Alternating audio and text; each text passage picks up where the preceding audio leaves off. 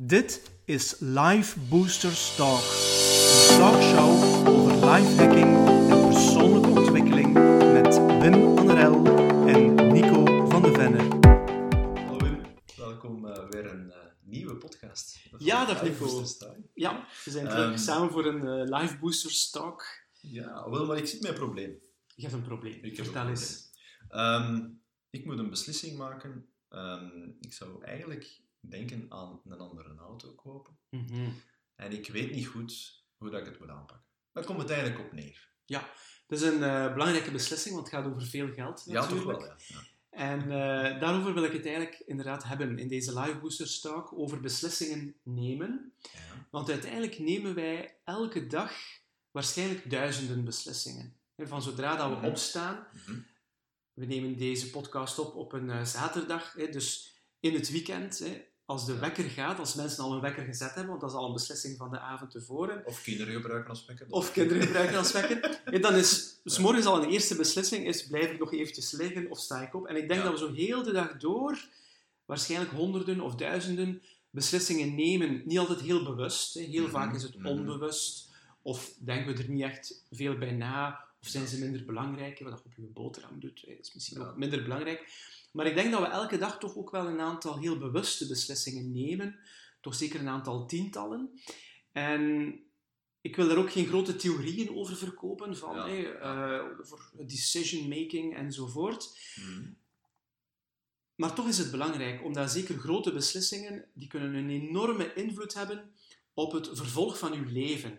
Ja. En jij en ik, wij doen ook aan loopbaancoaching. Wij begeleiden mensen met loopbaanvraagstukken. Ook dat gaat over beslissingen en ja, zeer zeker. belangrijke beslissingen vaak. Ja. Confronterend ook soms. En soms confronterend.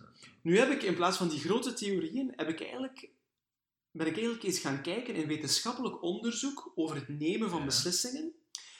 Wat we daaruit kunnen leren als tips en tricks eigenlijk ja, om ja. beter beslissingen te kunnen nemen. Ah, okay. En dus ik nodig u uit, ik ben benieuwd of, of dat een van die zaken u gaat kunnen helpen om een beslissing te kunnen nemen in welke auto dat je gaat ah, ja, aanschaffen. Ja, ik hoop het, hè, dat het gemakkelijk wordt, want dat is altijd het verhaal. Hè. Mensen maken het graag gemakkelijk. Absoluut, hè? ja. Een, um, een eerste tip die ik zou willen meegeven is gebaseerd op een uh, onderzoek dat men gedaan heeft aan uh, Carnegie Mellon, een universiteit in de Verenigde Staten. Aha. En um, dat ging eigenlijk over mensen die een auto wilden kopen. Ah, okay. Dus specifiek waar dat jij nu mee bezig bent. En wat heeft men gedaan? Men heeft gevraagd dus aan mensen om voor ze een keuze maakten over het kopen van een auto, uh -huh. om zichzelf eventjes af te leiden. Ah. Ja, dus niet om te zeggen van, ah, ik wil mij nu focussen op die beslissing. Ja. Nee, ik wil mij eventjes afleiden met een, dat was in dat geval een korte geheugenoefening, Mhm. mm -hmm. waarbij dat mensen cijfers in een bepaalde volgorde moesten onthouden. Okay. Maar wat blijkt dat eigenlijk elke afleiding daarvoor oké okay is, een afleiding van twee minuten. Twee minuten Wat kan dat zijn? Je kan bijvoorbeeld een gedichtje opzetten of naar muziek luisteren. Je kan ja. gewoon uh, een liedje opzetten. Ja. Of je kan uh, Angry Birds of Tetris uh, spelen op, op je smartphone bijvoorbeeld. Een beetje plezant maken. En, en dat helpt om een betere beslissing te nemen. En hoe komt dat? Men heeft dat gezien aan hersenscans. Mm -hmm. Terwijl dat uw bewuste geest zich focust op die afleiding, bijvoorbeeld een gedicht opzetten of, of naar uh, muziek luisteren of cijfers uh, proberen onthouden of een spelletje spelen, Mhm. mm -hmm. daar is uw bewuste geest mee bezig. Ja. Tegelijkertijd gaat uw onbewuste geest verder met het afwegen van opties. Okay. Dus je bent er niet bewust mee bezig van koop ik die auto of die auto of in welke kleur. Doordat je bewust gaat afleiden, gaat uw onbewuste geest verder werken. Aha. Maar doordat je bewust een pauze neemt, ga je eigenlijk een frisser, beter perspectief hebben op hetgeen dat je wil beslissen. En dat gaat ervoor zorgen dat je niet gaat overdenken. Want wat blijkt? Ja. Overdenken leidt tot slechte beslissingen. Ah, ja. Dus mensen die zeggen, ah, ik wil, dat is hier een hele belangrijke beslissing, ik ga er keihard over nadenken en, en daar heel bewust mee bezig zijn en, en ja, misschien er zelfs over piekeren, ja. dat leidt tot slechte beslissingen.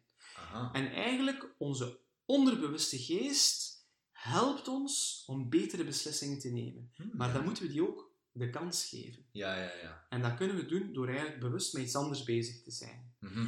En daarom hoor je soms van mensen die zeggen van ah, toen ik een douche aan het nemen was, toen kwam Ja. ik tot mijn beslissing. Ja. Of ik was met een auto aan het rijden, ik was een beetje aan het wegdromen. Aha. En, en toen kwam het in één keer in mij op. En dat komt omdat we onze onbewuste geest ruimte geven. Dus dat is eigenlijk mijn eerste tip: van geef uw onbewuste geest ruimte Ja. om met die beslissing verder aan de slag te gaan, Ja. door bewust uzelf af te leiden. Maar is het dan ook het idee dat je... Ik ga nu het voorbeeld inderdaad nemen om onder een douche te staan. Bij mij is dat inderdaad het perfecte moment om zo van die fantastische ideeën te hebben, als je dan totaal niks kunt opschrijven. Ja. maar toch, ja, dat zijn zo de momenten dat je zit te denken van, oh ja, eh, met, met situatie X, Y, Z, eh, wat wil ik daarmee doen, dit en dat. En dan inderdaad, ja, je pakt de zeep vast en dan ben je aan het denken aan, oh, daar staat een schone, eh, ik zeg nog maar iets, een schoon landschap op of zo, zoals die reclame soms gedaan, omdat je afgeleid wordt. En als je dan, laten we zeggen, terug naar je originele gedachtegang komt en je Mhm. komt op een, ja, een beslissing, Ja. is dat dan de beslissing dat je, allee, tussen aanhalingstekens zou zeggen van, daar moet je mee gaan? Dat kan dus een betere beslissing zijn dan Ah, dat je puur heel bewust daarover gaat overdenken, Ja. eigenlijk. Ja. Dus het is eigenlijk een beetje een, een begin van een eliminatieproces. Ja, absoluut. Dus ja, je kan het eigenlijk onthouden van om een betere beslissing te nemen, Mhm. dien ik eigenlijk ruimte te geven ook aan mijn onderbewuste geest om daarmee verder te gaan, om, ehm, om verder te gaan met het afwegen van opties. Dus je kan zeker bewust starten, hè, van Aha. oké, ehm, stel nu om een auto te kopen, van ik twijfel Mhm. nog tussen deze drie Ja. eh, alternatieven, Ja, daar ben je bewust mee bezig. ja. Maar voordat je een beslissing neemt, moet je eigenlijk ook je onbewuste geest wat ruimte geven. Oké. Voilà. Voor de volgende tip ga ik eventjes wat water drinken, Ja, dat, is, eh, dat is ook een goede tip, hè? want die gaat daarover. Ja. Ah ja, ook nog eens. Leuk. Ehm, het is een, een onderzoek dat gedaan is aan de Universiteit van Twente in Nederland. Mhm. Beetje dichterbij. huis. En wat geeft men daar als tip? Om vijf glazen water, te drinken vooraleer je een grote beslissing neemt. En je mag niet naar het toilet gaan, maar je moet ehm, dat gedurende 45 minuten ophouden. Dus als je je toiletbezoek kunt uitstellen, dan kan je betere en minder impulsieve beslissingen nemen dan wanneer je blaas leeg is. Ongelooflijk maar waar, maar. Nederlanders hebben dat onderzocht aan de Universiteit van Twente. Ik vraag Men me heeft- eerlijk gezegd af hoe dat ze daar ideeën naar boven hebben gebracht Ja. om dat te gaan onderzoeken. Absoluut. En men heeft dus een studie gedaan met vrijwilligers, dus Ja. waarschijnlijk hebben ze die ook gedurende verschillende tijdspannen laten ophouden. Ja, ja, ja. Nu vraagt u natuurlijk af, waarom werkt dat? hè? Vijf glazen water drinken, 45 minuten ophouden en dan ga ik een betere beslissing nemen. ja.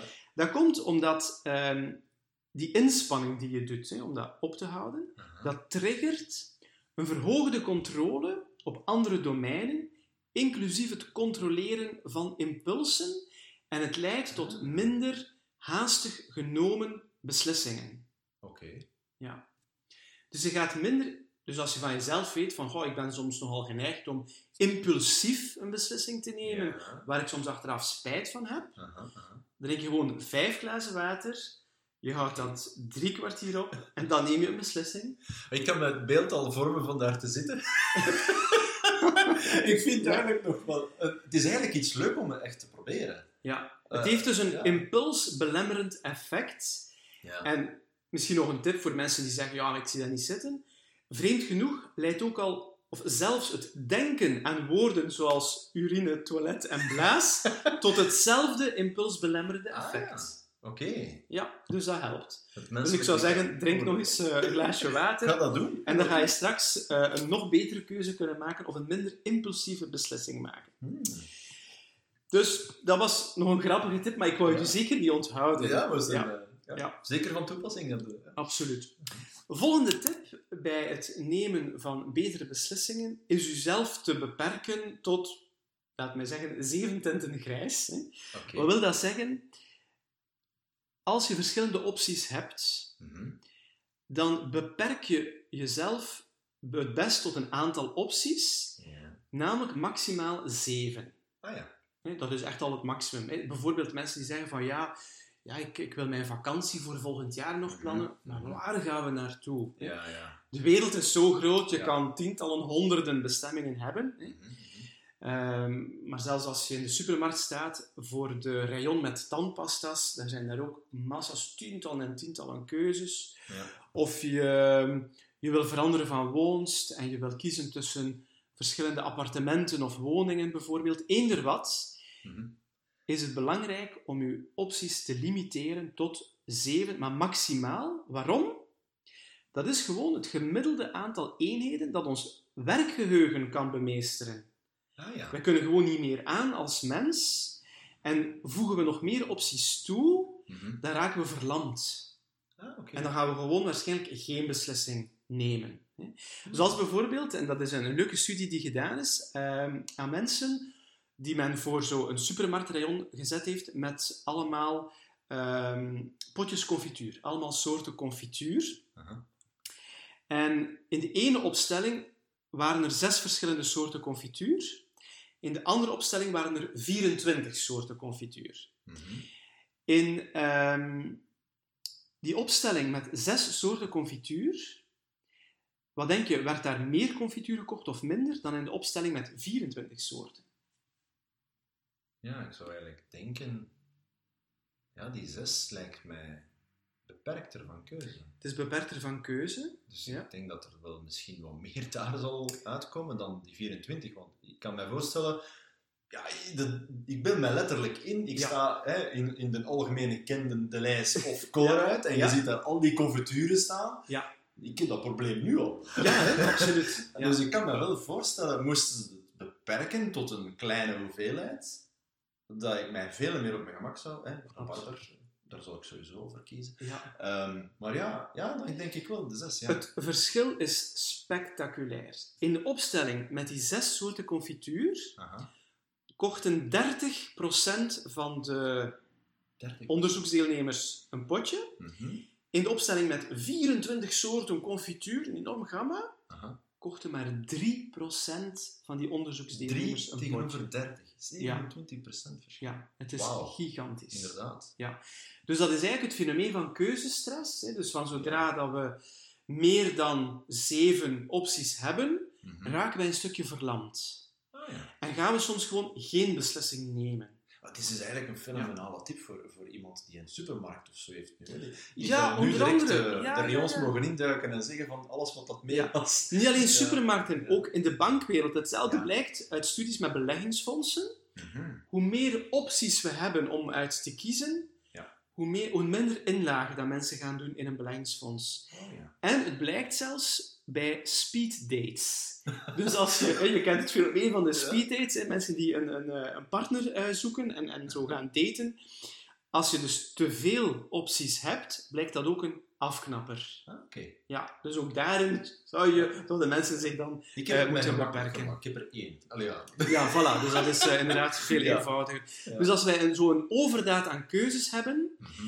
dan zijn ook de gemaakte keuzes ook risicovoller. Aha. Blijkbaar omdat onze vaardigheid om informatie te gaan verzamelen gaat verzwakken en we kunnen minder goede inschattingen maken. Dat is ook Ja. gevonden in een studie met mensen die gokten op bepaalde zaken. Hè, Dat is aan de Universiteit van Warwick eh, is dat onderzocht, hè, dat men mensen liet gokken hè, op bepaalde, ja, dat kan zijn op wedstrijden bijvoorbeeld. Mhm. En als we dus eigenlijk tussen veel te veel zaken kunnen eh, kiezen, gaan we ook meer risico's nemen, omdat we Ja. minder goed informatie kunnen verzamelen en dus minder goed inschattingen kunnen maken.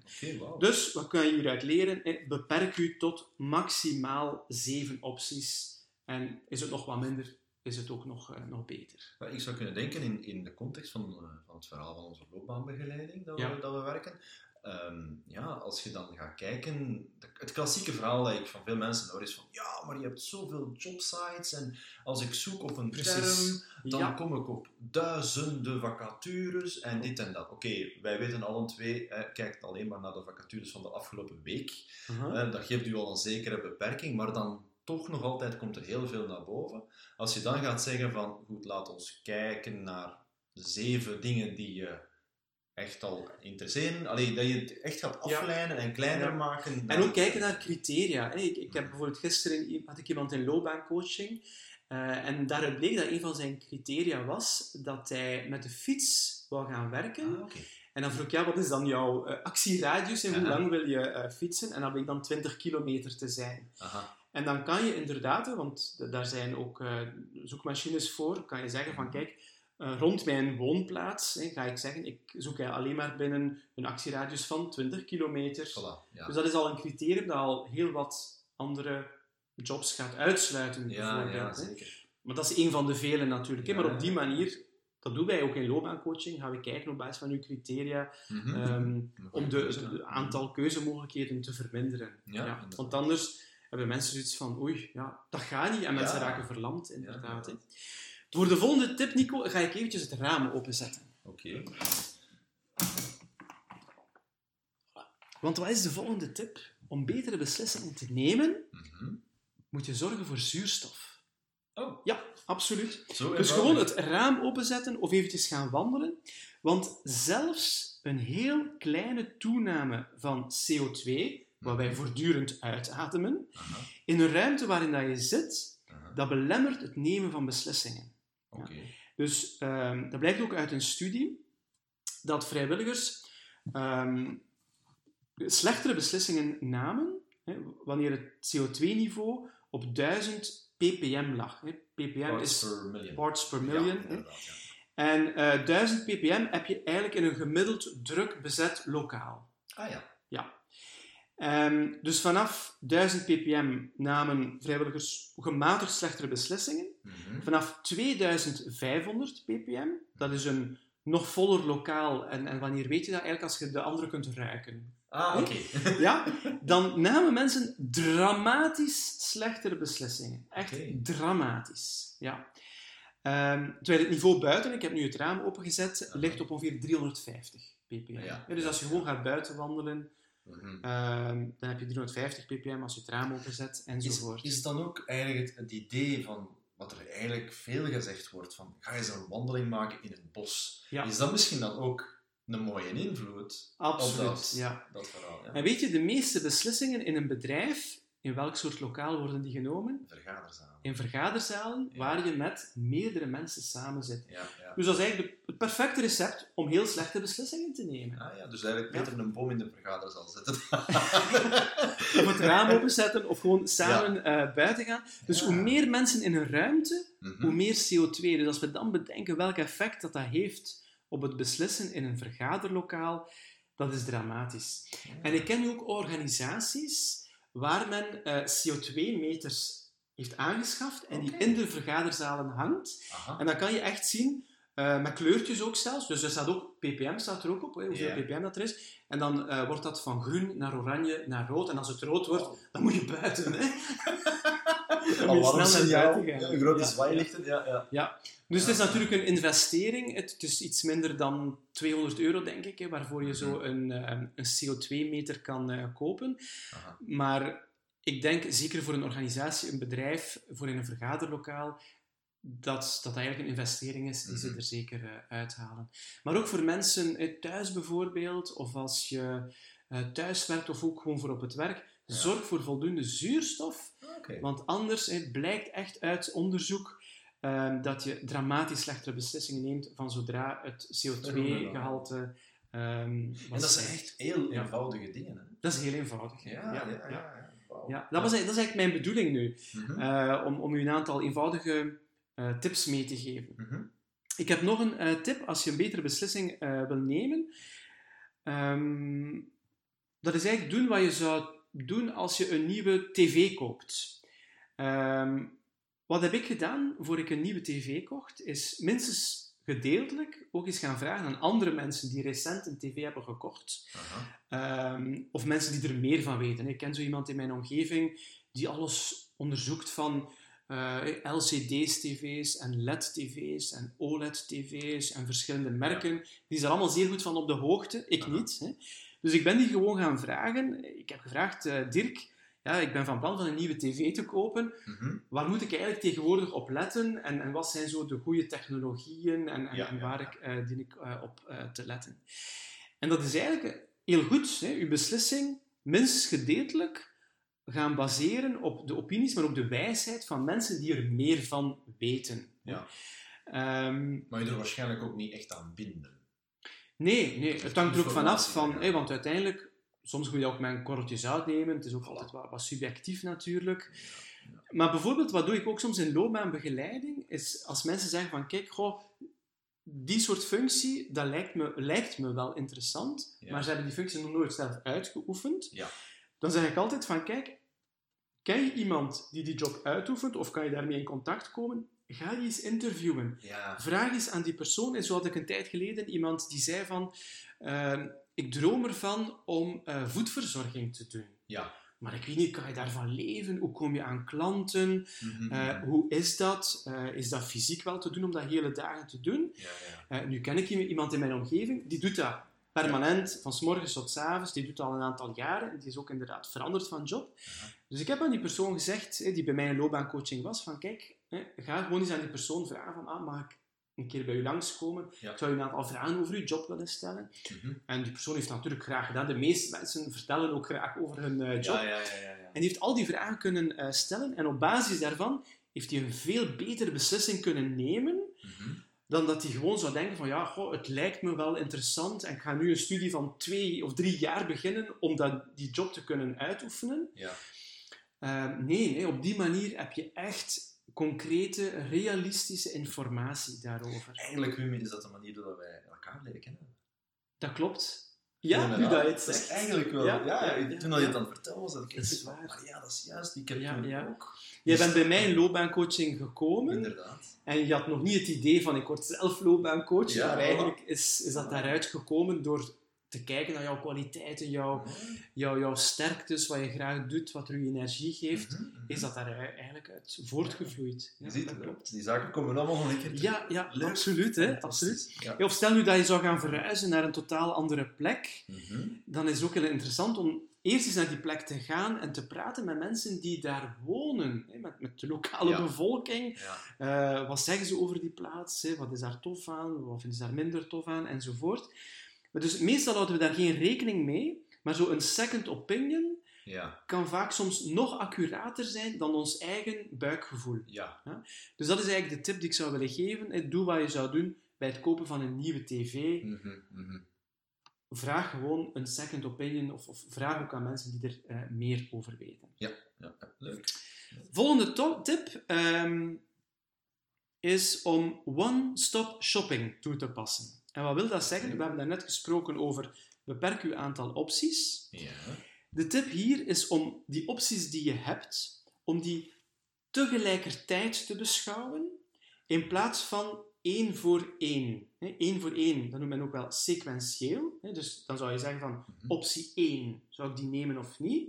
En als je daar een beslissing over genomen hebt van, ah nee, dan naar optie 2 gaan, dat is eigenlijk geen goed idee. We nemen beter beslissingen als we simultaan onze opties, als het ware, voor ons zien. Hè, Bijvoorbeeld eh, was er een onderzoeksteam en die hadden ehm, aan mensen gevraagd om hun favoriete praline te kiezen uit vijf verschillende. Mhm, En als mensen dus die vijf verschillende opties tegelijkertijd zagen, mhm. dan voelden ze meer voldoening met hun keuze dan de mensen die die pralines één voor één zagen en konden proeven. Want zij wisten niet welke komt er nog.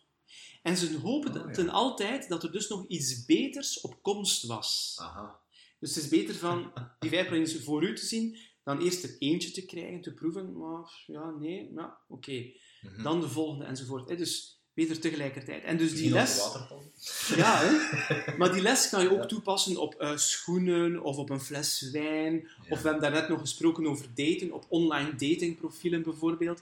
Dus tracht een beslissing te nemen met al jouw opties Ja. voor u. Mhm. Ja? Dus, en daarom noemen we dat ook one-stop shopping. hè. Dus Ja. je hebt ene stop, stop en daar... want ja, er zijn ook mensen die zeggen, ah, ik ga eerst in die winkel kijken voor schoenen.